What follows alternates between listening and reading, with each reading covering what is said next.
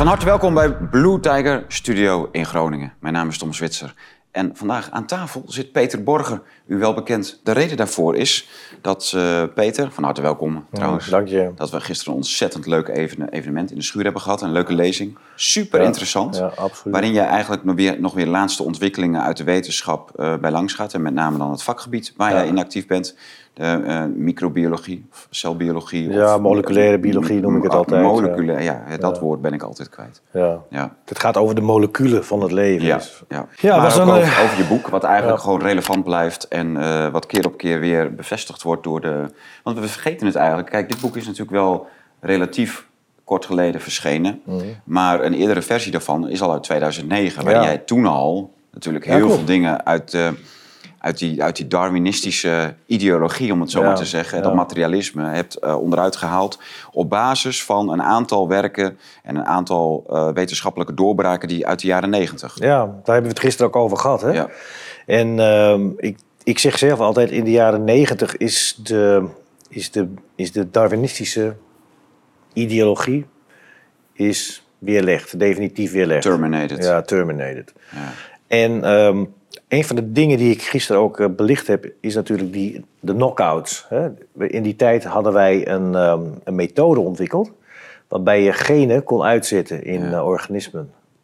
En wat bleek als je dat deed, zelfs waarvan men dacht, degene waarvan men heeft gedacht steeds dat ze heel belangrijk zijn, omdat ja. ze zogenaamd evolutionair geconserveerd zijn, Mhm. die kon je uitzetten. Er gebeurde helemaal niks met bijvoorbeeld een muis als je dat deed. Je, je moet je dat zo voorstellen. Je vindt een bepaald gen in de mens en datzelfde gen vind je ook in de muis. Je wilt graag weten Wat welke functie, ja, ja. welke functie heeft dat gen. Nou, hoe kom je erachter? Dan ga je dat gen uitzetten in een muis. Je kunt dat gen natuurlijk niet gaan uitzetten in de mens, hè, dat is onethisch. Mhm. Dan zet je het uit in een muis. Geconserveerde genen, dat betekent die zijn erg belangrijk volgens de evolutietheorie, volgens de selectietheorie. Oké, okay, dat is een bepaalde term, geconserveerde Ja, genen. geconserveerd betekent dat ze in de loop van de evolutie, miljoenen van Ja, jaren, zijn ja. geconserveerd. Oké, dus volgens die evolutieleer lopen die eh, genen synchroon in muis en mens, Ja. maar ook helemaal los van elkaar, maar dan ook al honderden miljoenen jaren. Nou, voor me- mens en muis is het ongeveer 80 miljoen jaar. Ja. Nou goed, als, als je die dus vindt in muis en mens, Mhm. geconserveerd, dat betekent dat het moet, moet zeer belangrijk zijn. Er moet een enorme selectiedruk op zitten. Anders verdwijnen die genen. Als er geen selectiedruk op zit, volgens de theorie, dan verdwijnen ze. Nou, wat hebben ze gedaan in de jaren 90? Dan hebben ze, hebben ze die genen uitgezet. Dat kun je doen met een bepaalde methode. Zorg je ervoor dat dat geen gen kapot is. En niet tot expressie wordt gebracht. Geen functie heeft in zo'n muis. En die muizen, die mankeren niks. Dus ja, dat was een grote Gingen verrassing. gewoon door met muis zijn. Ja, waren gewoon muizen. Ook geen ziekteverschijnselen. Zo. Ja, en het grootste, een zeer groot deel van, van genen die men op deze manier heeft eh, bestudeerd, gaat geen fenotype noemen we dat. Dus die heeft geen verschijningen, geen verschijningsvorm. Ja. Dat is een uitermate, eh, uitermate ehm, onbegrepen eh, ehm, fenomeen wat we daar observeerden vanuit het selectiedenken. Interessant. Ja. Nou, daar gaan we straks over praten, of eigenlijk zo meteen al, want we hebben een heel korte boekenbreek. Welke boeken zijn er zoal verschenen de laatste tijd bij de Blauwe Tijger? Nou, dit is een herdruk geweest, ook heel recent. Dus die kunt u eh, nog steeds aanschaffen, is eh, volop verkrijgbaar. En eh, ja, gisteravond, als u kijkt, heeft u, bent u of er geweest en heeft u uw boek kunnen laten signeren door Peter Borger. Of bent u er niet geweest en heeft u die unieke kans gemist om dit prachtige werk te laten signeren. We hebben meer belangrijke boeken, Geopolitiek, Tragedie van Oekraïne van Kees van der Pijl. Professor in, ja, hoe zeg je dat, in rusten, hè, dus met, met emeritaat. Over die eh, rare oorlog in Oekraïne die maar niet ophoudt. En eh, dat is eh, raar van alle kanten. Dus Kees die weet er alles van. En daar kunt u dan ook alles van weten als u dat boek leest. Kunt u niet overweg met uw kinderen en heeft u hele rare tieners of nullers en denkt u van ik moet daar iets meer over weten, dan kunt u dat boek van Rob Lemaire, 12 regels voor opvoeden met autoriteit, eh, lezen. En dat is een ontzettend grappig, hilarisch, maar vooral heel praktisch en behulpzaam boek. Je krijgt er leukere kinderen van, je gezin wordt gezelliger. Ja, jij wordt ook weer liever, leuker en fijner als ouder naar je kinderen toe. Als je een stukje autoriteit inbouwt, structuur, een beetje orde in de chaos. En dan eh, loopt alles weer op rolletjes in huis. Peter. Zeer goed. Zo, kijk. Ja.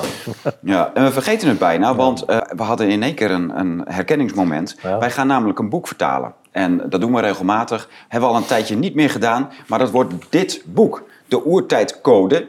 Eh, een boek wat eigenlijk net als jouw boek al een, eh, een lange reeks van versies heeft gehad. Die gaan we dus in het najaar uitbrengen in het Nederlands. En dat is een belangrijk boek in het kader van... Nou, Marijn Poels, die tipte mij, je moet dit boek lezen. Hij is bezig met allerhande dingen eh, rond de tuin. Daar komt de documentaire van in eind september van uit.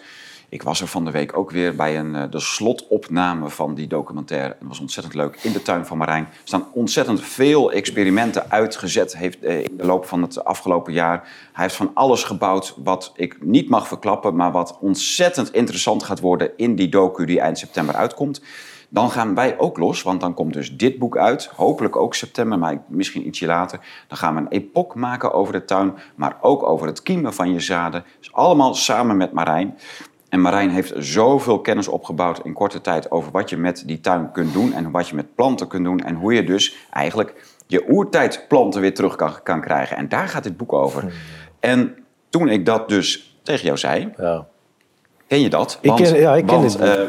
Ja. die DNA, eh, het gaat over DNA. Ja. Dit. di- en eh, dus Ja. Marijn tipte mij en ik zei van, ken jij dit misschien? Ja, ja, het is een, eh, interessant, want het het lijkt op wat jij zegt in jou, in jou eh, terug naar de oorsprong. Ja, precies. Het, het heeft wel een bepaalde, het heeft bepaalde raakvlakken. Ja, En toen zei jij, Ehm, ik ken het boek, want ik heb het, ik denk een tien jaar geleden, heb ik het eh, ooit een keer besteld. Ik kwam toevallig via via kwam ik eh, iets tegen, volgens mij op YouTube, of iemand die, die Ja. stuurde mij iets van YouTube. En dat was een filmpje waarbij, eh, waarbij twee wetenschappers van destijds nog Siba Geigy, dus dat is al heel lang geleden. de Farmaceut uit Zwitserland. Ja, dat is, dat is daarna volgens mij ehm, Novartis geworden. oké. En die twee wetenschappers die hadden echt, echt opzienbarende. Experimenten Ja. uitgevoerd. Ja, en dat was eigenlijk in de marge van dat grote Shiba Geigy lab. Ja. Waar ze eigenlijk in hun, eh, in hun kantoor wat dingen deden... Ja. wat eigenlijk helemaal niet relevant was voor het hele farmaceutische industrie. En dus begin niet over Big Pharma, want dit is echt heel leuk. Dit is in de marge van... eh, Precies. Hebben ze ook niks mee gedaan. Nee, ze, Dus, hebben, ze hebben het alleen op, op tv een keer laten zien wat ze Ja. hadden gedaan. En dat Ja, ze hebben het op eigen naam gepatenteerd, volgens ja. mij. Oh, dat is wel heel goed mogelijk. ja. Maar het was heel interessant, want wat mij eh, met name mijn interesse wekte, was dat ze hadden, eh, ze hadden zaden laten kiemen in bakken die waren eh, blootgesteld aan elektrische stroom. In een elektrisch veld. Mhm. En het interessante was dat ze daarbij konden, konden aantonen dat er bepaalde varens daarbij ontstonden die we alleen van de fossielen kennen. Ja. En Nou, vissen. en vissen die, Ja. die Dus dat, extreem dat is het groot leuke. Dus dat ze eigenlijk, hè, wat jij altijd, al- of al jaren zegt, en Ja. waar, waar, wat ik zo mooi vind aan wat jij dat, hè, dat er eigenlijk alleen maar degeneratie in DNA eh, plaatsvindt. Dat wil zeggen, dus DNA kan beschadigd raken of Ja. de, je DNA kan uitgeschakeld worden. Ja. Dus dat het eigenlijk luier wordt na, na- in verloop van tijd. Maar je kunt niet evolueren. Er kan niet in één keer nieuw DNA bijkomen of iets dergelijks. Nou, in mijn, mijn eh, boek eh, gaat ervan uit dat alle informatie al in het genoom aanwezig Ja, is. Dus dat je die, die, die programma's die kun je aan- en uitzetten door epigenetische coderingen. Ja. Dat is eigenlijk de achterliggende, Ja, de en- achterliggende en, en, gedachte. een soortgelijk iets is dus in, die, in de jaren 90 en 0 Ja. door die Zwitsers gedaan met planten en Ja. dieren. Maar ze En- begrepen natuurlijk helemaal niet wat het was. Hè? Nee. Ze, ze tonen dat. Ja. Maar dat was, in die tijd was eigenlijk de cel nog de black box. En de epigenetische code kenden we nog helemaal niet in de jaren Ah, negentig. Oké. Het begon net een beetje te komen met die methylering en zo van je DNA, die genen afsluiten. Mm. Nou, dat zou hier een rol. Ik dacht toen, toen ik dat las, dacht ik, hé, hey, dat zou best wel eens een epigenetische eh, regulering kunnen Ja. zijn. Nou, en toen En bleek dus dat jij daar tien jaar geleden ook al Ja. een recensie over dat boek had geschreven. Dus ik, heb in, ik dacht 2010 of 2012 heb, ik dat, in- heb ik daar een keer een recensie voor geschreven voor eh, De Weet. Leuk blad. Ik ben er ook op geabonneerd voor de kinderen. Ontzettend leuk blad. Staat veel eh, interessante wetenschap in. Precies. Die je natuurlijk niet via andere bladen meer Nee, eh, het krijgt. is een hele andere visie op de biologie, op de natuur, op de geologie. Dat is een eh, goed blad. Het kan ik ook adviseren mensen om dat te gaan lezen. Ja. Het is een eh, leuk blad, zeker voor je kinderen. En het is professioneel gemaakt. Ja. Eh, dus dit is het, eh, staat er ook bij, de oertijdcode. Het ecologische alternatief voor gentechniek. Ja. En dus je hebt aan de ene kant dus eh, genetische modificatie, zoals we dat in de moderne voedingsindustrie zien, Ja. waar- waarbij zaden en, en gewassen gemanipuleerd worden. Ja, dan met, moeten we- met, we moeten met daar knippen en plakken van Ja, DNA, de precies. strengen. Precies, want dat is, dat is, het, dat is het verschil tussen die precies. twee. De ene En- is werkelijk DNA modificeren. Ja. En die oertijdcode, dat is meer de epigenetica. Dus je hoeft niet je DNA te modificeren. Nee, wat ze doen is eigenlijk dus eh, de delen van het DNA die slapen of uitstaan, Ja. proberen ze weer wakker te maken. Ja, dat is ook weer hebben ze ja. speciale gereedschappen voor. En die gaan we dan ook eh, voor de kijker ter beschikking stellen. Dus dan gaan we allemaal. we- eh, dit is het handboek. De docu van Marijn is het bewijs dat het werkt. Ja. De apparaten die je daarvoor nodig hebt, gaan we ter beschikking stellen van de mensen. Dus dat wordt, eh, mensen kunnen het ook in hun eigen kas en tuin gaan toepassen. Dus dat grote verschil tussen genetische modificatie in de grote voedingsindustrie en dit, waarbij je eigenlijk zelf zaden van planten kan wakker maken Ja. met waanzinnige resultaten. Ja. Dat is, dat is eigenlijk bizar, hè? Dus de- dat die hele Nou, kijk, het- het- theorie van uit de jaren 90, die, die DNA-ontdekkingen uit de jaren 90, die hebben niet alleen het Darwin- Darwinisme beëindigd, maar die zorgen eigenlijk op hele kleine schaal voor de mensen zelf voor waanzinnige resultaten. Ja, en kijk, dat is helemaal in overeenstemming met wat ik in mijn boek beschrijf. Dat Ja. al die informatie is al in je genoom. Ja, precies. En het interessante is, de laatste jaren zie je ook steeds meer boeken verschijnen. Bijvoorbeeld met de titel eh, Lamarck's Revenge, bijvoorbeeld. Ja, gisteren ook- heb je het gisteren over Heb gehad. ik gisteren nog over gehad. Nou, wat betekent dat? Wie- wie- was Lamarck? ook- Lamarck, nou kijk, maar dat kan ik wel even het verschil tussen Lamarck zeggen en tussen Darwin. Bij, bij Lamarck is het zo, dat is een, was een evolutiebioloog, of eigenlijk een bioloog, die al eh, ongeveer 50, 60 jaar voor Darwin ehm, schreef. Ja. En hij zei: Oké, er is een invloed van je omgeving direct op de ontwikkeling van je. ehm, hij, hij noemde dat op de evolutie van, van, van je organisme. Oké. En bij Darwin is dat natuurlijk niet het geval. Daar wordt de, ehm, daar wordt de evolutie puur door natuurlijke selectie aangedreven. Mm. Ja, dus selectiedruk. toevallige, toevallige mutaties die worden geselecteerd. Dus er is een groot verschil tussen Lamarck en tussen Darwin. En wat we nu de laatste jaren zien is dat eigenlijk Lamarck meer, bij, meer of dichter bij de waarheid eh, zit dan Darwin. Dus er komen nu ook dit soort, eh, dit soort boeken worden ook geschreven over eh, Lamarck. Lamarck Revenge. Kun je, Ja. ja. hè, Ja. Lamarck is dat wraak, zeg maar. Hè, na 200 jaar eh, is Lamarck er eens, ineens weer daar. Ja. ja, ik vroeg me dat gisteren dus ook af. Hè, wat er dan, hè, dus je hebt het over de 19e eeuw. Wetenschap eh, ontdekt weer mooie dingen. En dan komt in één keer Darwin, die de wetenschap eigenlijk 150 jaar lang uh, ofwel gijzelt of weer terug Ja. in de tijd zet. Met Nou, gegijzeld vind ik wel een mooi woord, ja. Heel dood spoor. Ja, het is een En- goed woord, gegijzeld. Want Ja. dat is eigenlijk wat er gebeurd is. Kijk, in die tijd was men op zoek naar een puur naturalistische verklaring voor het leven. En met een externe factor, zoals natuur, nat- natuurlijke selectie, had, werd dat door Darwin aangedragen. Als we gaan kijken, heeft hij eh, natuurlijke selectie zelf bedacht? Nee, natuurlijke selectie kennen de biologen al heel lang. Al heel lang. Ze hadden deze eh, natuurlijke selectie ook al op waarde ingeschat, namelijk dat die conserverend is. Het, het conserveren voor het wilde type, de wild type. Dus niet een ontwikkelingsproces, maar juist teruggaand naar het oorspronkelijke type. Nou, dat is de natuurlijke selectie, wisten de bioloog ook al. Hij heeft dat voor zijn evolutionaire wagentje gespannen. Nou, dan zie je dat er alles aan gedaan werd om deze Darwinistische filosofie erdoor te drukken. En in dezelfde tijd leefden ook bijvoorbeeld mensen als eh, Mendel. Die leefden ook, die deden experimenten. Die toonden aan dat bijvoorbeeld variatie helemaal niet een random proces was, een toevalsproces, maar dat je het kunt voorspellen. En dat er wet, een bepaalde wetten mee gemoeid zijn. Nou, dat is natuurlijk een heel ander verhaal dan wat men eh, voor Darwinistische evolutie nodig had. Hè? Een toevallige eh, variatie die ontstaat. Dus Mendel werd compleet genegeerd in die tijd. Dus het, was, het, is, het is zelfs zo dat hij eh, ongeveer 40 tot 50 jaar is tegengehouden, de wet- wetten van Mendel. Bizar. En daarna hebben ze hem opnieuw moeten ontdekken. En het is zelfs zo dat hij daarna werd geplagieerd. Bijvoorbeeld door onze... Nee. Ja, ja, hij werd werkelijk geplagieerd. Bijvoorbeeld door, eh, door onze, onze eigen ehm, eh, Hugo de Vries. Je ziet dat hij ook precies dezelfde bewoordingen noemt in zijn artikel. Namelijk eh, dominant Ja. en recessief. En dat kwam natuurlijk bij Mendel vandaan. Want die had het net zo genoemd. Dus daar, en die heeft later ook, ook, ook naar Mendel nog verwezen. Die had hij eerst weggelaten uit zijn referentielijst. Maar eh, uiteindelijk heeft hij hem wel weer aan toe moeten voegen. Ja, ja. En zo waren er meer. In Duitsland waren ook mensen die Mendel opnieuw ontdekten. En daarmee was eigenlijk aangetoond dat die Mendelse wetten eh, voorspelbaar waren. Dat, dat ze ook correct waren. Dus dat was een, eh, een, een soort van kentering, begin eh 19e eeuw kun je zeggen. En Hugo de Vries, wanneer leefde die? Mm, Ook zo, zo rond deze tijd. Dat was een, eh, een plantenonderzoeker. Oké. Ja. Die, die wetten van Mendel die waren natuurlijk heel erg belangrijk, want die kun je, dan kun je op basis daarvan kun je bepaalde voorspellingen ook doen. Hè. Die variatie was niet echt at random, niet echt eh, willekeurig. En we weten nu, nu zijn we weer 100 jaar later, dat heel veel van die Mendelse wetten, dat heeft te maken met, het, met kapotte genen. Want je kunt je voorstellen dat wanneer je een race, zogenaamd recessief gen hebt, Ja. Dat is verder niks dan een kapot gen. Dat door een werkzaam of een functioneel gen kan worden gecompenseerd. En dat noem je dan dominant. Ah, Dus dat is gewoon wat de, de achterliggende eh, gedachten en de achterliggende verklaringen van Mendels genetica. interessant. Ja. Ja. nou, kwamen heel veel, eh, gisteren kwamen er heel veel interessante dingen eh, voorbij. En bijv- bijvoorbeeld, die, eh, eh, ja, je had het over epigenetica, daar kunnen we het straks ook over hebben. Eh, maar ook over het onderscheid tussen enerzijds eh, eh, dat, dat DNA-structuren, oh, ik, zeg het vast verkeerd, maar dat dat dan een soort van netwerken zijn binnen de cel.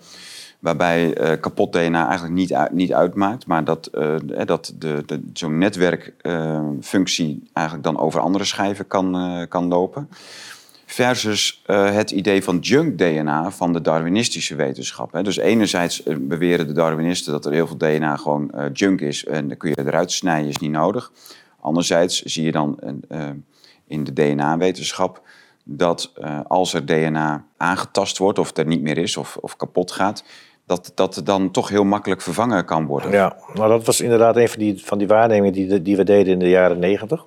We kwamen erachter dat, ehm, dat genen in netwerken functioneren. Dus genen zijn niet selfish, niet egoïstisch, zoals eh, bepaalde mensen beweren in boeken die ze schrijven. Dat Zoals je zelfs op genniveau een soort van survival of the fittest krijgt. Nou ja, goed, dat je, dat je, een, een, een, dat, je, dat, je, dat een mens bijvoorbeeld, dat een organisme, het voertuig is van zijn selfish genes. Nou, dat is helemaal niet waar. Dit is, deze ideeën zijn al lang weerlegd. Want genen werken samen. Het is een samenwerkend concept. Hmm. En dat is wat we in de jaren negentig ontdekten. En dat betekent ook, als je een netwerk hebt waarbij alles met elkaar verbonden is... en waarbij verschillende routes naar hetzelfde doel voeren... dan kun je bepaalde punten, knooppunten, kun je makkelijk verwijderen. Want dat zijn backup systemen. Er is altijd een weg, zeg ik. Er is altijd een weg van A naar B. Wat wordt dan op die weg vervoerd? Ehm, eh, informatie. Het is zo, eh, als er een bepaald signaal van buiten de cel naar de kern moet, want de kern is het, het, centrum waar die, die signaalverwerking plaatsvindt, dan moet er een, een, een zinvolle respons komen. Hè. Dan moet er een gen worden aangezet of een gen worden uitgezet. Nou, die route van de, eh, van de buitenkant naar de kern, dat is een signaalroute, dat is informatieoverdrachtsroute. En daar is heel veel, dat heet dan ook redundance. Dus je kunt, daar is heel veel samenwerking. De ene activeert de andere, die activeert weer de volgende, die activeert weer de volgende. En zo krijg je een hele netwerk, een hele netwerk van activatie. En op die manier is er altijd een bepaalde route die het juiste signaal afgeeft. En het kan alle richtingen op. Het kan niet alle richtingen op. Want we weten dat er in die signaalroutes, daar, zijn- daar kennen we ongeveer 100 verschillende. En eh, die werken ook wel weer samen op, op, op bepaalde gebieden. Maar ze bestaan uit een hele grote groep van eiwitten. En deze werken in een netwerk. In een, je kunt het vergelijken met, een, met het internet, zeg ik altijd. Met, internet heeft, Ja. is een heel groot, ja, het is een heel groot netwerk. Ja. Er zitten heel veel routers in. Je kunt 80% van de routers kun je uitzetten. En als geheel functioneert het nog. Nou, en de cel func- functioneert op dezelfde manier. Oké. Zo. Dus dat betekent dat je ongeveer 20% heel vitaal is. Dat is noodzakelijk. Ja, dat, dat, ik denk ongeveer 20% van, van degenen die, die een organisme heeft, die zijn, dat noemen we ook essentieel. Maar wat is dan de functie van de rest? Backup systemen, om een robuust systeem te, te ontwikkelen. Hmm. Dus je kunt, je kunt je voorstellen als de systemen lineair zouden zijn. Hè, van A naar B naar C naar D. Om een en er valt één, één weg. Je moet een omweg. Ja, als er één wegvalt en het zou een lineair systeem zijn, dan komt dat signaal helemaal niet meer aan. Nee. En als je een netwerk hebt, waarbij die verbindingen omgaan kunnen worden, Ja. dan heb je een heel robuust netwerk. Maar dat betekent wel dat die verschillende knooppunten, die verschillende genen, dat daar geen selectiedruk op staat. Alles is nodig. Of alles nodig is. Ik denk, alles is niet werkelijk nodig, maar het is wel functioneel. Ja, ja. Ja. oké. En als je zou zeggen van er staat selectiedruk op, hoe, hoe zou dat dan gaan, moeten gaan werken? Dat zou betekenen als jij gewoon, ehm, dat, dat heb je bijvoorbeeld bij een lineair systeem. Daar staat op al die punten staat selectiedruk. Dat betekent, als je één punt weghaalt, is het systeem functioneert meteen niet meer. Dus het, je kan ook niet een, een één knooppunt eruit halen dan. Omdat zodra je dat zou doen, zou het systeem niet meer functioneren. En daar staat dan een selectiedruk op. Dat betekent, als je dat kapot maakt, dan kun je als organisme niet meer functioneren. En dat zijn, in principe zijn dat essentiële genen. Die hebben we ook. Oké. Ja. En toen had je ook nog iets fantastisch over een machientje wat eh, gebouwd, of machientjes die worden gebel- gebouwd in de cel. Ja. En die ook echt mechanisch werken. ja. Ook maar daarin zit dus, die zijn wel in feite lineair, want die moeten tegelijkertijd, dat zijn twintig onderdelen die tegelijkertijd in elkaar moeten worden gezet Ja. om überhaupt te kunnen functioneren. Nou, precies. Je hebt bijvoorbeeld eh, de zogeheten ATP-syntase. En dat is een van de belangrijkste machines die we in ons cellen hebben. En die maken energie. En zelfs de meest simpele organismen, bacteriën en zo, die hebben deze machientjes ook nodig. En die bestaan uit ongeveer 20 onderdelen. Die moeten inderdaad als geheel er zijn, zodat je daar met die 20 onderdelen ook een, een, deze motor kunt maken. Het is eigenlijk gewoon een motor, zeg maar. Ja. En worden die motortjes dan eh, eenmalig gebouwd of eh, gaan die een dag mee? Of eh, hoe gaat zoiets? Oh, dat weet ik niet eens precies hoe lang die meegaan. Het die worden voortdurend in ons turn- ja, lichaam er, is wel, er is wel een turnover, want het is natuurlijk een, een, een, een hoog energetisch systeem. Dus ze gaan ook kapot. Die worden dan gerecycled. Maar omdat je een informatie-backup hebt, wordt het ook meteen weer aangemaakt. Oké.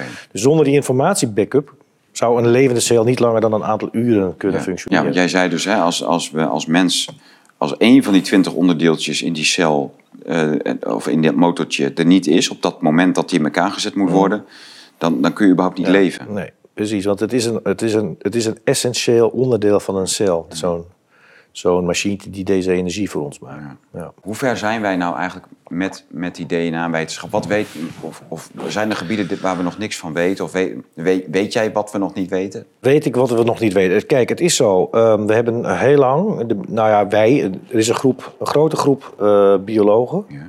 Die heeft heel lang het eh, zogeheten eh, niet-coderende deel van het genoom genegeerd. En dat is sinds de jaren 70, denk ik, zo ongeveer. Waarbij eh, men ervan uitging dat het grootste deel van het genoom junk is, hè? troep. Eh, evolutionaire relicten, overblijfselen van geïntegreerde virussen van heel lang geleden. Nou, we komen nu, nu hoe langer hoe meer van terug van dit idee dat, ehm, dat er heel veel junk in het DNA zit. Dus heel veel troep in het DNA zit. We vinden steeds meer functies van eh, het zogeheten junk DNA. Er zijn zelfs nu aanwijzingen dat een belangrijk deel van het bouwplan in het junk DNA zit. Dus in het niet coderende DNA. Oké, en wat is een bouwplan? Nou, het- ik zal het even proberen uit te leggen wat, een, wat, de, wat de DNA nou eigenlijk precies doet. Het DNA heeft, bestaat voor een heel klein deel, dat is ongeveer 2%, uit coderend noemen we dat. En waarom noemen we dat coderend? Omdat dat, dat was eigenlijk de enige code die we kenden eh, toen ze DNA gingen, gingen eh, analyseren. En dat is de code die de eiwitten maakt. En de eiwitten, dat zijn de tools, de werktuigen. Nou, daar, zijn maar, daar is maar 2% van het hele genoom is daarmee uitgerust. Dus 2% van je genoom maakte deze werktuigen. De rest, dacht men, heeft geen functie. We weten nu dat de genen aan zich, in bijvoorbeeld het menselijke lichaam, nemen ongeveer 20 tot 25 procent ruimte in. Want er zitten allemaal kleine stukjes tussen en die, die, eh, die, die reguleren de, de eiwitten, zeg maar. Dus een gen aan zich is veel groter dan alleen maar het coderende deel. Nou, dat is zelfs zo groot dat het dus richting 20 procent gaat. Daarnaast hebben we ook nog een heel groot deel waarvan we de, de functies niet weten en waarvan we steeds dachten, hey, dat zijn, dat zijn overblijfselen van virussen die heel vroeger zijn geïntegreerd in je, Ja, ja. in je DNA. En dat is dus de, de ultieme parasiet noemen ze die ook wel. De ultieme selfish gene, die springt alleen maar een beetje heen en weer in je genoom. Maar wat we daar, daarvan he- hebben ontdekt de laatste tien jaar, is dat deze zogenaamde transposonen die he- heen en weer kunnen verschuiven in je genoom, dat die een belangrijke rol speelt in een leerproces in je hersenen.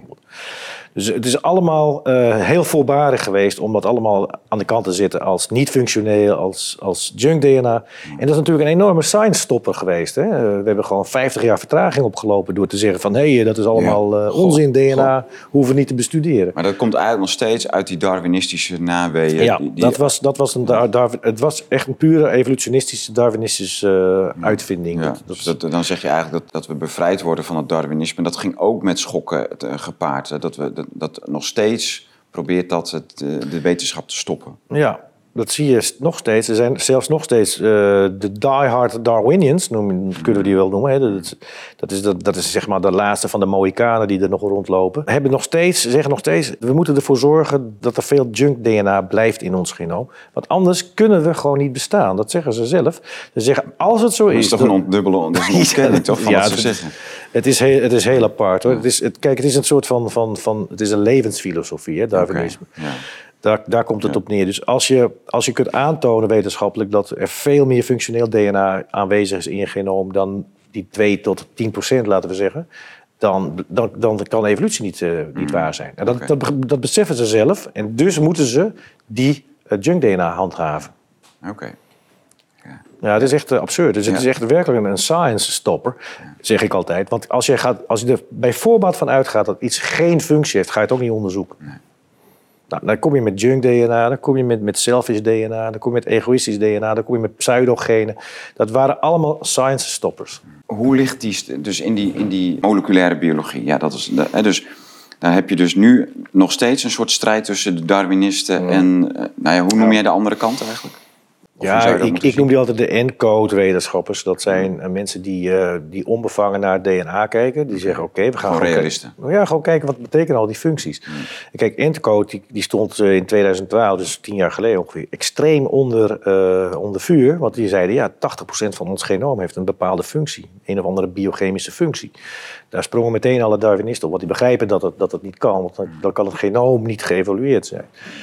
Nou goed, daar was een enorme strijd. Dus de encode is een beetje teruggekrabbeld in die tijd. Maar uh, we zien nu dat uh, een veel groter deel uh, dan deze 2 tot 5 procent, of misschien 10 procent, toch werkelijk een functie heeft. Okay. Ja. En, en, nog even naar dat bouwplan, hè? want dat is wel heel interessant. Ja. Dus als je, als je begint met bouwplannen, dan denken ze gelijk van, oh god, een schepper. En die heeft een tekening gemaakt en heeft hij het geschapen naar die tekening. Ja. Maar jij, jij zegt echt dat in het DNA een bouwplan nou, zit. ja, er zit een soort en dat is ook logisch natuurlijk, want anders kun je als babytje uh, groeien op tot die man die jij ja, moet worden. Precies. Als zoon van je ouders. Dat is allemaal natuurlijk, daar, daar zit natuurlijk een soort planmatige ja. ontwikkeling in. Je kunt niet een, een dinosaurus worden nee, of zo. Precies. Als je, een, precies. Dat is geen willekeur in. Nee, precies. Maar goed, ik vind dat wel een, wel een interessant uh, voorbeeld wat je zegt van die ontwikkeling. Want het is een ontwik dat bouwplan, het heeft inderdaad te maken met ontwikkeling. Mhm.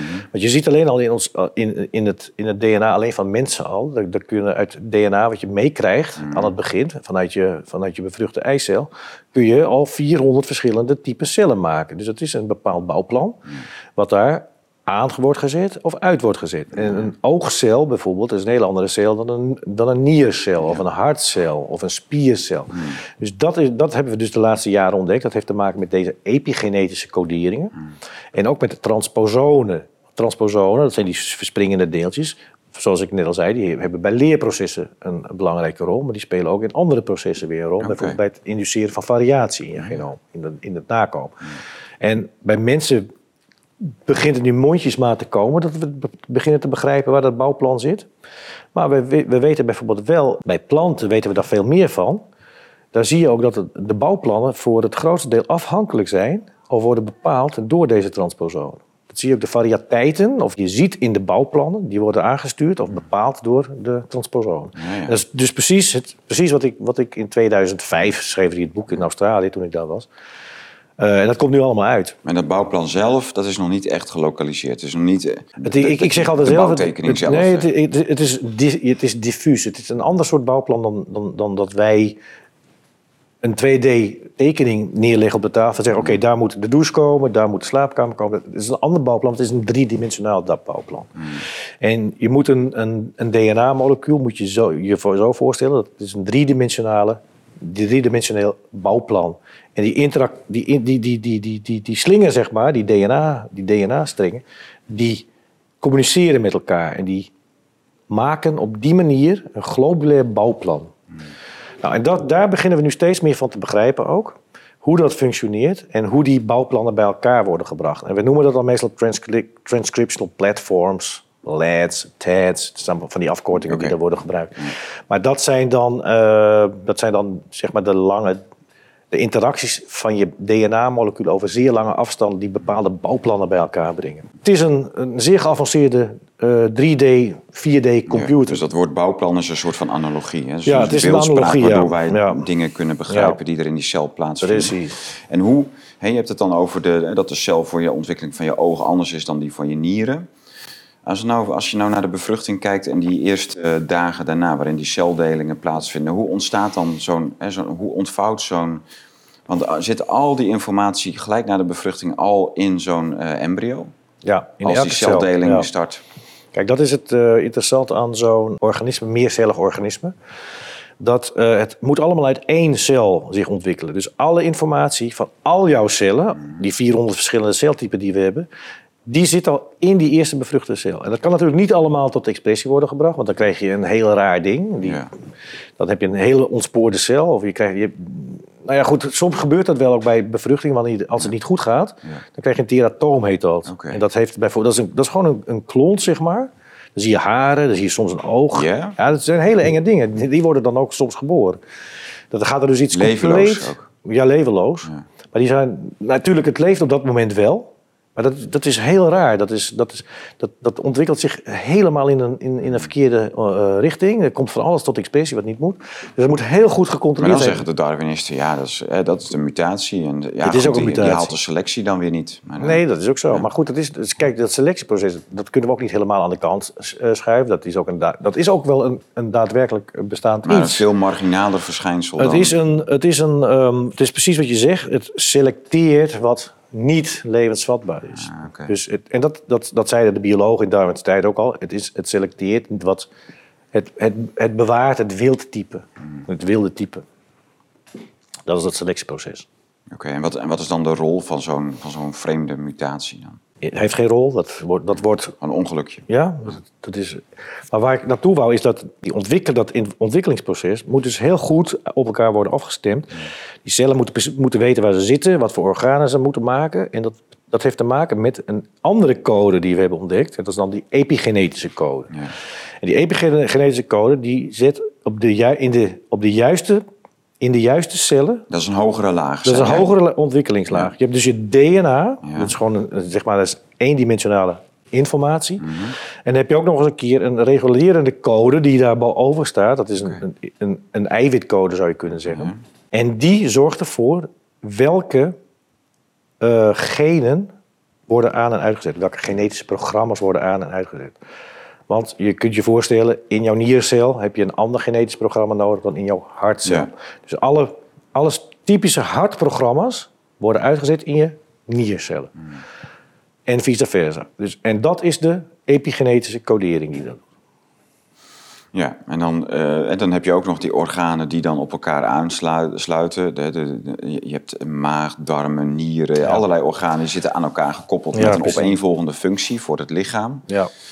Eh, en wat, wat reguleert dat dan? Hoe, hoe, hoe dat... eh, Ja, dat, is, dat wordt allemaal door eh, moleculaire en cellulaire interacties wordt dat, gereguleerd. Dat, is, dat gaat door moleculen. We hebben het net al even gehad over die signalen. Het zijn moleculen die signalen geven naar de kern bijvoorbeeld. En die kern die gaat dan die epigenetische coderingen veranderen. En die weet daardoor wat die moet gaan doen, zo'n zo'n cel. Nou, op die manier kan niet gedifferentieerde cel nog in heel veel richtingen kan die zich gaan bewegen. Nu heb jij gisteren ook laten, laten zien dat als je, eh, ik weet niet welke cel dat was, maar als je dat echt allemaal door selectiedruk, eh, mutaties en selectie wil krijgen, dus op een Darwinistische wijze, dan ben je voor een cel al hoeveel miljoen jaar kwijt? Nou, kijk, je kunt er wel aan gaan rekenen. Als je, bepaalde, als je een bepaald gen bij mensen bekijkt en je gaat dan bij apen kijken naar hetzelfde gen, gen, dan zitten daar soms een aantal mutaties in. Ik, ik, ken, een, ik ken genen waarbij je dan 18 mutaties zit. Als je eraan gaat rekenen, als dat op een, echt op een, op een random, toevallige manier moet ontstaan en daarna selectie eroverheen. En je moet al die verschillende stapjes gaan doen. Dan ben je met één gen ben je al miljoenen jaren ben je, ben je, ben je bezig. En eh, die, eh, berekeningen die, die zijn uitgevoerd door verschillende mensen, ook door evolutiebiologen. En je ziet gewoon dat er is gewoon geen tijd genoeg om op van een aapachtige voorouder door, s- door, door hele toevallige eh, mutaties een, een, een, mens te ontwikkelen. Het, het, gaat, het gaat niet gebeuren op die manier. Dus er moet iets anders in het genoom eh, aanwezig zijn om dat heel snel te doen. Ja, precies. Dus en dat dan is moet je dat dan. Precies, en dan, dan kom je met een heel ander verhaal. En dat is natuurlijk, dan kom je, kom je dan, dan gaat het niet in de richting van een naturalistisch verhaal, hè, van een materialistisch verhaal, maar dan is het toch echt dat daar iets over staat, iets boven staat, een intelligentie die dat, die dat aanstuurt. Ja, maar dan zou je kunnen zeggen, ja, maar goed, die informatie, hè, hoe die cellen ontwikkelt, dat kan alsnog gewoon helemaal in de materie zitten. En ehm, het leuke van jouw verhaal gisteren was ook dat jij zei van nee, dat informatie is echt wat anders dan materie. Dus dat, dat bouwplan, dat wordt wel vervoerd over materie. En, dat, of, en, en informatie in die cel die heeft wel richting en, en snelheid, maar het staat los van de materie. Het is iets anders dan materie. Ja, kijk, informatie is iets anders dan materie. En dat begrijpen we ook de, sinds een, een, een, ik denk een 50, 60, 70 jaar. Want ik heb gisteren ook een plaatje laten zien van, van een brief van, eh, van Francis Crick, een van de ontdekkers van de structuur van het DNA. En die schrijft aan zijn, eh, aan zijn zoon dat het een code is, gecodeerde informatie. Nou, wat is een code? Een code is zoiets als een taal, zeg maar. Het is gecodeerd en het moet geïnterpreteerd Ja, worden. het moet, het moet gelezen worden. Ja, het moet gelezen worden. Nou, dat vinden we, ook voor, dat vinden we dus ook in de cellen. Eh, het interessante is dat informatie, als we erover nadenken, dan is dat een immateriële grootheid. Dat is eigenlijk de derde grootheid die we in het universum aantreffen. En Naast. in de tijd van Darwin, dus in de 19e eeuw zeg maar, toen waren we heel erg naturalistisch en heel erg materialistisch ingesteld. Want men dacht, oh, er is alleen maar materie. We moeten alles vanuit de materie moeten we verklaren. Nou, later kwam Einstein en zegt materie en energie zijn gelijk. Dus dan is er ook nog, dan is er ook nog energie. Maar die energie is materie en materie is energie. Dus oké, dat ben je nog steeds met een, met een, met een materialistisch wereldbeeld. Maar daarna, in de jaren, jaren 50, toen we het DNA gingen ontdekken, toen hadden we in één keer te maken met informatie. Informatie komt niet voort uit materie. Je kunt je dat voor, zo voorstellen, een boek, zo'n boek dat hier op tafel ligt. Die informatie in dat boek van mij bijvoorbeeld, is dat gewoon een hoop inkt, een hoop papier? Is dat de informatie die in mijn boek staat? Nee, ik heb dat, die, die informatie moeten bedenken. En ik heb dat moeten Ja, opschrijven. Ja, dus je hebt het echt in, in, die informatie heb je in dat boek gelegd. Ja. Dat boek heb je eigenlijk weggestuurd Precies. naar een ontvanger. Die moet dat dan weer interpreteren. Ja. Maar zo werkt het. En in die cel, wie is dan de zender en de ontvanger? Ja, dat is eh, een goede vraag. Maar ik wou, ik wou nog even terugkomen ook op, materie, op, eh, op informatie. Kijk, informatie. Als je dat boek, alle letters gaat husselen... en je gaat hetzelfde boek drukken... met gehusselde letters, zonder informatie... en je gaat alle fysische eigenschappen van dat boek ga je bepalen... de meetbare... dan is het boek nog net zo zwaar, nog net zo dik... nog net zoveel bladzijden... het reflecteert nog net zoveel licht... maar toch is er die informatie niet meer voorhanden. Dus het is iets niet fysisch. Snap je dat dat informatie dat dat iets niet fysisch is? Dat is iets niet tastbaars. En toch is het iets wat we, wat we kunnen begrijpen. En daarom is het ook zo moeilijk om te lokaliseren. Ja, het is, eh, het, is, het is materialistisch niet lokaliseerbaar, maar het bestaat wel.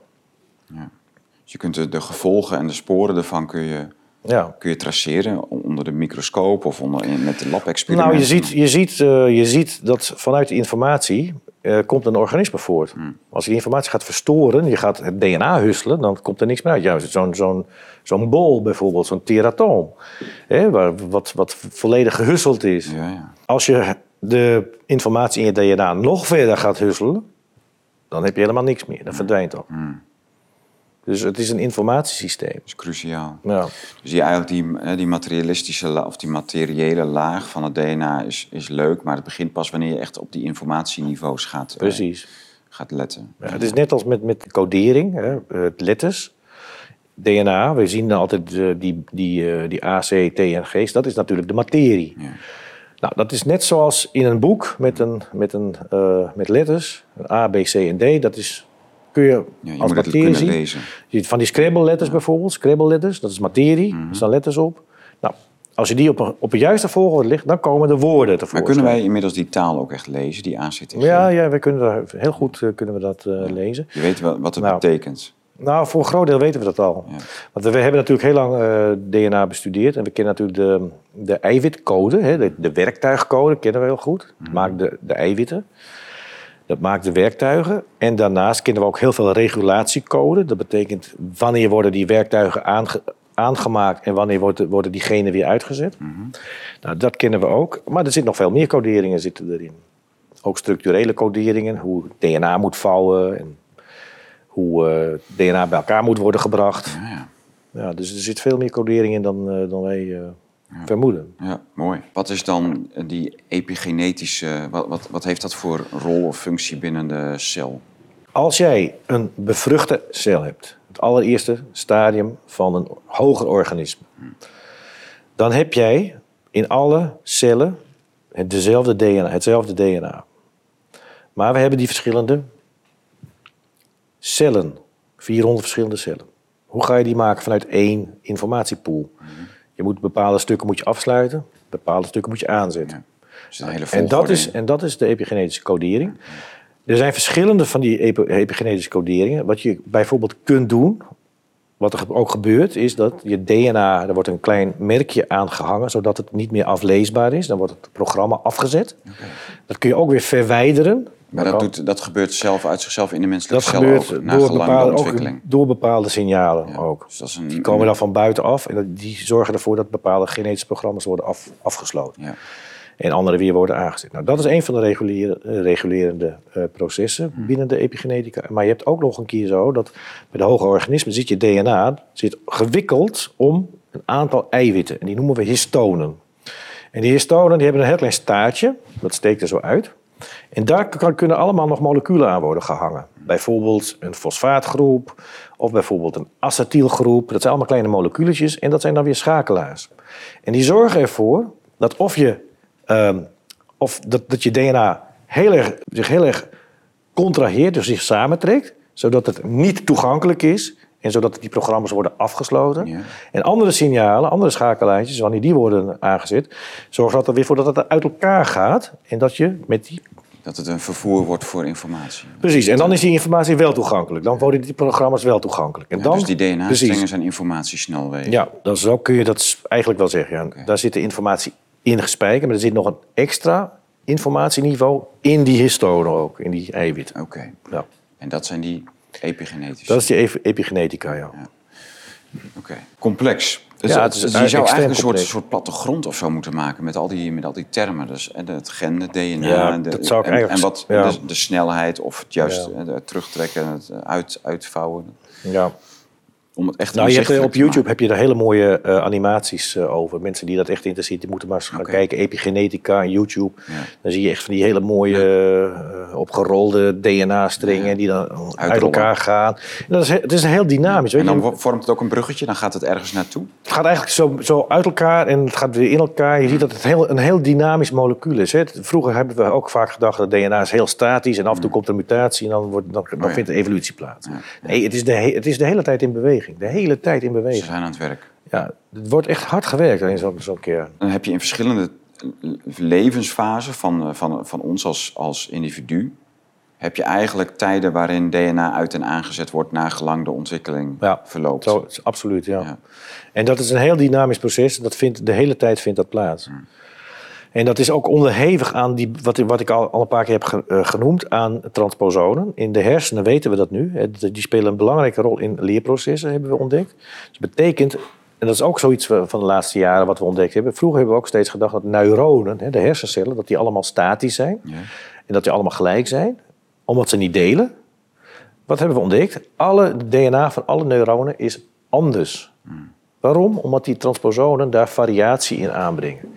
En we vermoeden nu dat dat te maken heeft met, leer, met leren. Dus als je bepaalde, ehm, bepaalde dingen moet, moet gaan leren, eh, herhalingsoefeningen doet, dan zie je dat ook eh, dat die transposonen zich ook in bepaalde gebieden van het DNA gaan innestelen. Oké.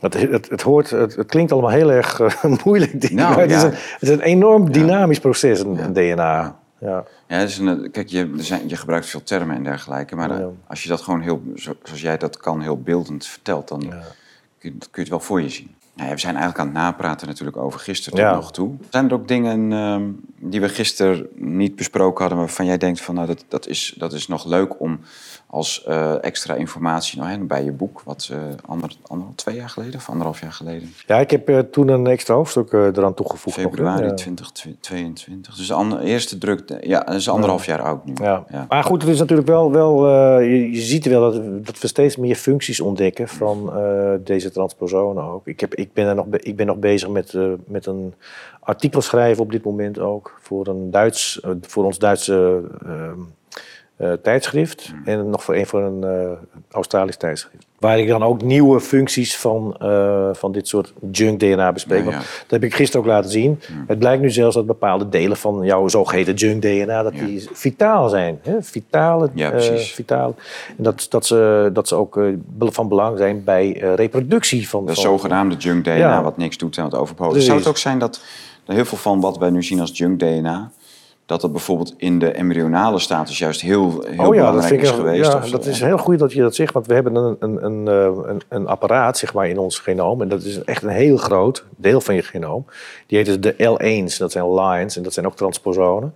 En we hebben steeds gedacht, wat, wat, wat doen die dingen? Dus dat werd ook aan de kant gezet als junk, hè, als troep. Het is ook een overblijfsel van een of ander virus van heel Ja. vroeger. Nou, het interessante is, die L1's die lijken niet op virus. Dus het kan ook, we, we kennen geen enkel virus wat op een L1 lijkt. Dus het kan geen virus zijn. Oké. Dat kan gewoon niet zo zijn. Dus het moet een functie hebben. En wat hebben ze nou in Nature volgens mij een aantal jaren geleden laten zien? Dat tijdens het allereerste prille eh, beginstadium van een bevruchting, dat deze eh, L1's, deze elementjes, waarvan men vroeger dacht het is, eh het is junk DNA, een belangrijke rol spelen in het aan- en uitzetten van je genen. Dus het- de supervisie van de ontwikkeling. Ja, ja. ja. Oké, dus Maar alleen op een heel pril stadium. Alleen de eerste ja. 24 tot Maar 48 waar ruimt uur. het lichaam die dan niet op, of de cel? Daar, Waarom? als ze uitgespeeld zijn? Dat heb ik even niet begrepen. Nou, oké, als, als ze alleen belangrijk zijn voor dat hele prille stadium, Ja. dan zou je kunnen zeggen, nou, dan ruimt de cel dat ook weer netjes op als ze niet meer nodig zijn. Precies, het wordt afgesloten. Als ze niet nodig zijn, wordt het afgesloten. Je hebt een, heel, een, een, ook een heel contro een controlesysteem in je cellen om dat allemaal, we noemen dat silencen. Dat, moet, Ja, ja. Moet, moet, dat mag niet actief zijn in, je, in normale cellen. Wordt het wel actief, dan heb je bijvoorbeeld kanker. Ah, Ik heb eh, met, een, met mijn groep in Zurich een aantal jaren geleden een studie gedaan. Waarbij we deze kleine elementjes, die dan worden gezien als virussen, die gingen we gewoon remmen met antiretrovirale medicatie. Super goedkoop. Kost een paar centen voor, voor, voor, voor behandeling. En we behandelen daar tumoren mee in muizen. En die tumoren die, die stopten bijna compleet met groeien. Dus je kunt zien, met hele simpele medicatie, wat geen cent kost, kun je tumorgroei kun je naar beneden waarom hebben we dat dan nog niet? Geen idee, daar kan je geen geld mee verdienen, ver- vermoed ik. Het moet natuurlijk nog, nog verder worden ontwikkeld, Ja. maar er zijn een aantal groepen zijn, hebben dat Zo simpel werkt het gewoon. Ja, ik denk dat het zo simpel is. Ja. Kijk, als, je, als het niet gepatenteerd is, Ja. kun je er geen geld mee verdienen. Nee. Nou, deze, deze stofjes, dat zijn, dat zijn dus eh, die, eh, die antiretrovirale eh, geneesmiddelen. Zoals? Nou ja, wat hebben wij gedaan? Sidofudine hebben wij gebruikt en efavirenz hebben we gebruikt. En die, die pakken heel specifiek een enzym van een retro-element aan. En we dachten natuurlijk, vroeger, komen vroeger dachten we die komen alleen maar voor in een virus, een retrovirus, Ja. een RNA-virus. Nee, die hebben we in ons hele genoom zitten. Worden die actief in bepaalde cellen, dan werken ze mee aan het ontwikkelen van kanker. Ja. Dus kun je ze remmen, was mijn, was mijn gedachte, dan moet je ook tumorengroei kunnen remmen. En dat is kanker, kanker is natuurlijk niet iets vreemds in de cel. Dit is een, cel die rare dingen gaat doen. Ja, hij gaat gewoon, eh, hij gaat gewoon ongebreideld gaat hij delen. Ja. Oh, wat interessant zeg. Ja, dat is echt interessant. Ja. Jij bent nu vooral bezig, al, eigenlijk al jaren, met eh, en niet meer in het lab. Zou jij voor jezelf nog grote ontdekkingen doen in een lab als je er weer terecht zou komen? Of vind je dit eigenlijk mooier wat je nu het Nou, kijk, het is zo. ehm, tegenwoordig zitten we als, als moleculair biologen, en genetici, niet echt veel meer in een lab. Want Oh. wat je doet, je hoeft alleen maar je DNA-sequenties te hebben. Hmm. En dan ga je naar je DNA-sequenties kijken. Daar kun je heel veel analyses aan doen. En dat is de laatste, mm, heel, heel, heel, heel even. Heel even. Het enige wat je nog moet doen tegenwoordig is je DNA of je RNA isoleren. Dat laat je dan door machines analyseren. Het wordt dan samengezet tot bijvoorbeeld tot, tot, tot, ehm, tot eh, DNA. Ehm, en daar kun je heel veel aan werken. En daar heb ik de laatste tien jaar ook aan gewerkt. Daar werk ik nog steeds aan, aan dit soort dingen. Omdat je... Je hebt zoveel databases tegenwoordig waar al deze, deze. DNA-sequenties eh, worden, eh, worden bewaard. Daar kun je gewoon eh, iets uithalen. Met, en als je een bepaalde vraag hebt, dan ga je naar een bepaalde database en dan heb je toegang tot die data. Wauw. Ja, dus die data zijn er wel. Dus dat werk doe je nog steeds? Ja, een beetje minder natuurlijk dan vroeger, maar ik ben nog wel steeds bezig met, eh, met, met eh, DNA-analyses en dergelijke. Ja. Heb je dan bepaalde interesses? Of, is het, eh, of, of wil je dan iets uitzoeken wat een ander gepubliceerd heeft? Of wat, wat doe je Nou, mijn, mijn grote interesses die hebben nog steeds het, het the dark regions of the genome, dus de, de donkere regionen, zoals de onbegrepen elementen in ons genoom. Wat doen die nou precies? We hebben in het verleden al laten zien dat een groot deel van die elementen schakelaars zijn om genen uit en, aan en uit te zetten. Nou, dat soort dingen heeft nog steeds mijn, uh, mijn interesse. Een ander onderzoeksterrein voor mij is uh, waar komen virussen vandaan? Nou, voor bepaalde virussen is, het, is, dat, is dat nu wel duidelijk dat ze in het genoom zelf ontstaan. Hè, uit deze retro-elementen, ja. Bepaalde RNA-virussen ontstaan in het genoom. Waar ontstaan andere virussen? Nou, we ontdekken steeds meer over virussen. Namelijk dat virussen eigenlijk helemaal niet zo erg zijn. Want we hebben duizenden virussen ontdekt. En die, die kunnen niet op mensen overspringen. Maar die zijn toch, uh, hebben toch een of andere functie uh, in, in, in, in alle cycli die we, die we nu aan het verkennen zijn. Ja. En vroeger was het natuurlijk zo, hadden we, hadden we geen microscoop om bacteriën te bekijken. Mm -hmm. En toen we bacteriën vonden, dachten hé, hey, wat betekent dat dan allemaal? Ja, die kun je nou zien. Maar ja, die kunnen we nu zien. En virussen zien. die hebben we heel lang niet kunnen zien. Dus die, gaan we, die ontdekken we nu ook. En met die hoe ontdek je die dan als je die niet kunt nou, zien? Nou, daar, daar, zijn nog wel wat haken en ogen zijn daar aan, moet ik ook eerlijk toegeven. Want het is natuurlijk zo, het is allemaal sequentie gebaseerd. Dus wat ze soms doen is een, een, een emmer uh, zeewater bijvoorbeeld analyseren op, op virale sequenties. En dan vinden ze zo duizend nieuwe virussen bijvoorbeeld. Onlangs, volgens mij was dat vorig jaar, vond men nogmaal, nog, nog een keer 5000 verschillende sequenties die viraal zijn, zegt men dan. Maar dat is, dat is, dat is een beetje tricky, hè? want uh, we hebben zelf ook virale achtige ja. um, elementen in ons maar We kunnen daar dus nog heel veel over ontdekken. Hè? Dus als je dat ja, echt alleen maar met sequenties, dus dat wil zeggen, je moet, je moet, hem, je moet dat uh, stukje uh, streng heel, veel, va heel vaak vermenigvuldigen. Ja. Net zoals de, de die uh, testen. Nou ja, precies. Dan ga je ze sequencen. En, en dan ga je ze ja. sequencen. En dan, dan, maar dat is eigenlijk al, dan voeg je al zo, of dan doe je al zoveel waarvan je eigenlijk, ja, je, je denkt dat je wat weet, maar we, misschien weten we het ook nog niet, -huh.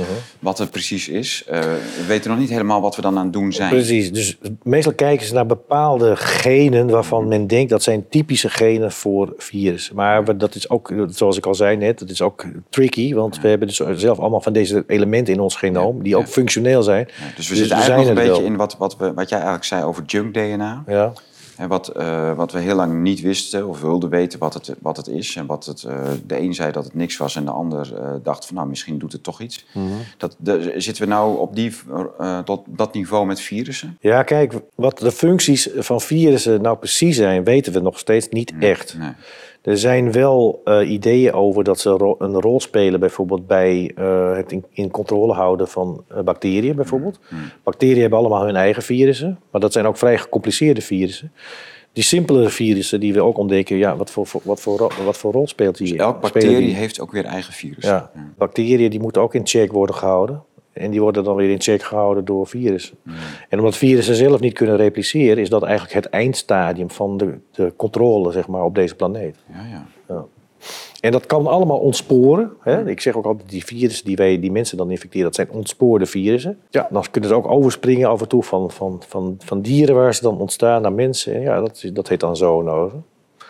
Maar ik uh, heb ook mijn... Uh, Kijk, als we, het, als we dan toch over virussen hebben. Ik zeg altijd op mijn Twitter-kanaal. De, de, de echt gevaarlijke virussen die ontstaan niet in de natuur, maar die, die ontstaan in de laboratoria. Ja. Met, door dat geklu, ge, geknutsel wat daar bijvoorbeeld in Rotterdam gebeurt. Bij Fouché in zijn lab. Dat is uh, waanzinnig gevaarlijk wat, wat, wat die mensen doen. Okay. Ja, jij, jij zegt, hoe heet dat ook alweer? Hoe noemen ze dat ook alweer, die, dat onderzoek? Ja, dat heet de gain of function. Ja, gain of function. Ja. Dat, dat, jij zei, uh, of hebt altijd al gezegd, dat moet direct verboden worden. Ja. ja. Echt meteen. Het is, het is, uh, het is uh, gevaarlijker dan een atoombom ontwikkelen. Mm. Ja, want je, je kunt zelfs uh, virus ontwikkelen die heel specifiek op bepaalde bevolkingsgroepen Ja, nee, nou, dat, dat hoor je nu van heel veel kanten. Ja. En de geruchten gaan ook dat dat dus ook gebeurd is. Ik geloof dat het op, direct. op rassenkenmerken ja. virussen ja, gekweekt absoluut. zijn. Ik geloof het direct. Ik geloof het meteen. Het is, het is heel simpel als je een beetje van de moleculaire biologie weet en van de genetica, dan kun je gewoon een killervirus kun je, ja. kun je maken. Ja. Nou ja, jij weet wat Fouché gedaan heeft. Je, je zegt dat het gevaarlijker is dan werken aan een atoombom. Ja. En, en dat is dan ook wel de reden dat jij zegt van... ik geloof meteen ook dat er, dat er andere hele nare uh, dingen met virussen gedaan worden. worden ja, ik, weet, ik, denk, ik, ben, ik ben eigenlijk wel zeker ervan dat het dat, dat, dat dat op dit moment gebeurt en dat dat ook gebeurd is al. ja. Aha. Want kijk, je kunt je afvragen, eh, we hebben zogenaamd de, de- het pokkenvirus hebben we uitgeroeid. Ja. Maar dat is helemaal niet het geval, want er liggen, pokkenvirussen liggen nog in Rusland, er liggen nog in de Amerikaanse laboratoria, van de militaire, militaire laboratoria. Nou, dan zeggen ze, ja, dat doen we voor, eh, voor eh, wetenschappelijke doeleinden. Ja, wetenschappelijke doeleinden. In muizen hebben ze laten zien, als jij een bepaald immuungen in, in, een, in een pokkenvirus bij een muis stopt, Ja. waardoor je immuunsysteem eh, naar beneden gaat, Ja. zijn die muizen binnen 24 uur allemaal dood. Oeh, Ja, dus je kunt er gewoon killervirussen maken. Dat is geen enkel punt. dus pokken zijn zo dodelijk. Dan wel. Ja. Dan wel. Normaal gesproken is het volgens mij pokken dodelijk in ongeveer 20 30 tot 50 procent. Als je zo'n eh, zo'n immuun, eh, immuungen eraan toevoegt, dan gaat, gaan ze allemaal dood. Waar is het vandaan gekomen, dat pokkenvirus? Is dat al bekend al? Dat is ergens in de 19e eeuw. eh, Ja, het is, een, het, is een, nou, het, is al, het is al een vrij oud 18. virus. Ik heb eigenlijk op dit moment nog geen echt een, niet echt een idee waar pokkenvirus vandaan komen. Het is een groot virus. Hè. Pokkenvirus is een groot virus met vele, eh, met, ik volgens mij 200 genen. Dus het is echt een groot, het is een groot genetisch systeem. Dus ja, ik zou er, eh, ik zou er een keer specifiek in moeten gaan, eh, erin moeten gaan. Maar is het dan een virus of een bacterie? Is ook een goede vraag. Sommige virussen kun je heel duidelijk terugvoeren op bacteriën. Hmm. Mimivirus bijvoorbeeld, heb ik in mijn boek beschreven. Oké. Eh, ik, ik durf niks over pokkenvirus te zeggen, want ik weet het niet. Ik zou echt de, de genetische analyse moeten maken, Ja. moeten doen. Ja. Dus daar, maar er liggen dus nog heel, veel gevaren voor. eh Ja, dat is het laboratoria natuurlijk dat is, het- gewoon. dat eh, is op dit moment het grootste gevaar. ja, Echt deze gain of function. En eh, daar, daar, zouden we echt, eh, daar zou echt een ban moeten Hmm. komen, dus echt een verbod. Weet je wat het Marburg-virus is en doet? Marburg, ja, dat was een soort van eh, ebola-achtig virus. Hmm. Het is toen in Marburg een tijdje rondgegaan, waar ik geloof ik zes of zeven mensen... Ook uit een lab, hè? Ja, dat weten we ook nog steeds niet zeker. Hè. Het, het is niet in de lab gemaakt, denk Oh. ik. Volgens mij kwam het net een aap ergens vanuit Afrika. Is het. En men deed er onderzoek aan en het is toen natuurlijk overgesprongen op mensen. En er zijn toen, een, ik dacht een aantal, zes of zeven, zoiets, doodgegaan. Oké. Maar het is een soort ebola-achtig virus. Ja. Het schijnt dat daar eh, nu PCR-testen voor ontwikkeld Oké. worden. Of, eh, grootschalig. Dus ja, dan krijg je gelijk weer eh, geruchten die rondgaan van nou, dat, het wordt het Marburg-virus? Het volgende, de volgende pandemie. Ja, het wordt Marburg. Als de PCR-testen Ja, aangemaakt goed, het is natuurlijk een veel, veel beroerde virus, het Marburg. En ebola natuurlijk ook. Ja. Kijk, dat soort, eh, dat soort virussen hebben een enorme letaliteit. Dus een enorme, je, je sterft eh, in 50% van de gevallen als je eh, besmet raakt. waanzinnig. Ja, dat, is, dat zijn zeer agressieve dingen. Maar ja, goed, eh Marburg-virus, ik, ik, ik ben er zelf niet echt bang, bang dat, dat we dat nog een keer krijgen of zo.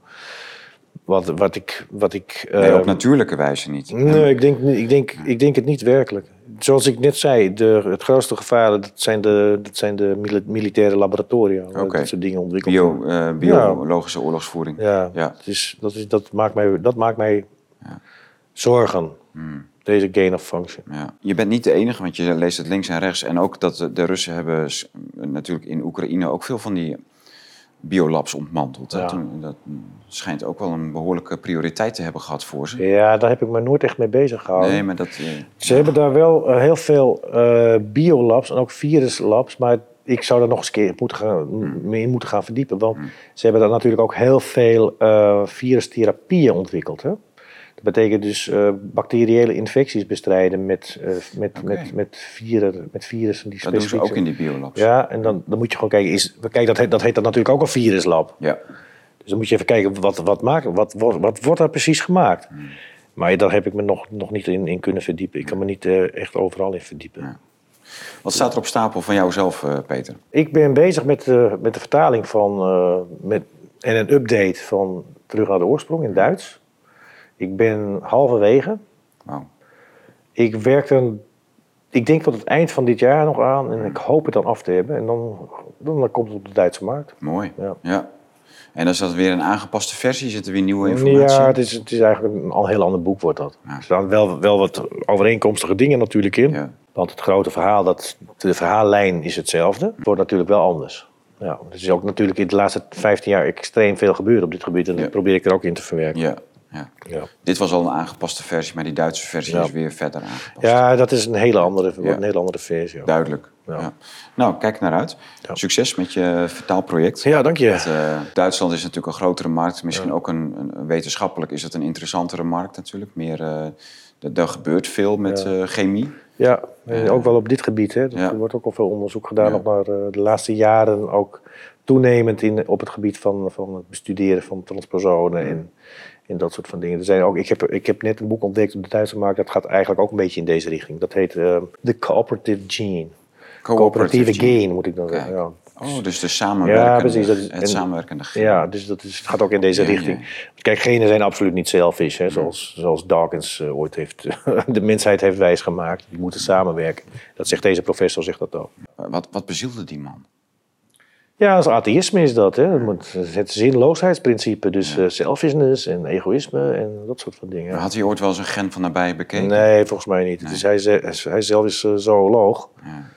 En voor zover ik zijn, de literatuur van hem goed ken, heeft hij sinds de jaren negentig geen enkel wetenschappelijk tijdschrift eh, meer gepubliceerd. Hij is natuurlijk wel een goede, goede schrijver. Hè? En Mensen die, die vallen voor zijn argumenten. Maar Ja, ja, ja. als je een beetje, een beetje verstand hebt van eh, de biologie, dan denk je nee, dat is, wat hij schrijft is niks. Ik kijk uit naar je Duitse boek. Ehm, De oertijdcode kijk ik ook naar uit. Dat wordt dit najaar. En we hebben nog een epok over de tuin op stapel staan. En dat is dan heel erg praktisch eh, ingesteld. Dus hoe bouw je die tuin op? Dan gaan we echt alles doen wat we zelf hier in het voorjaar ook hebben gedaan. De kas, het kiemen, slachten van je eigen huis, tuin en keukenvee. Wat staat er nog meer op stapel? Een prachtig boekje over de oorlog in Oekraïne van eh, Klaas Maas. Die ook een prachtig boekje of een pamflet heeft geschreven over Zwarte Piet destijds.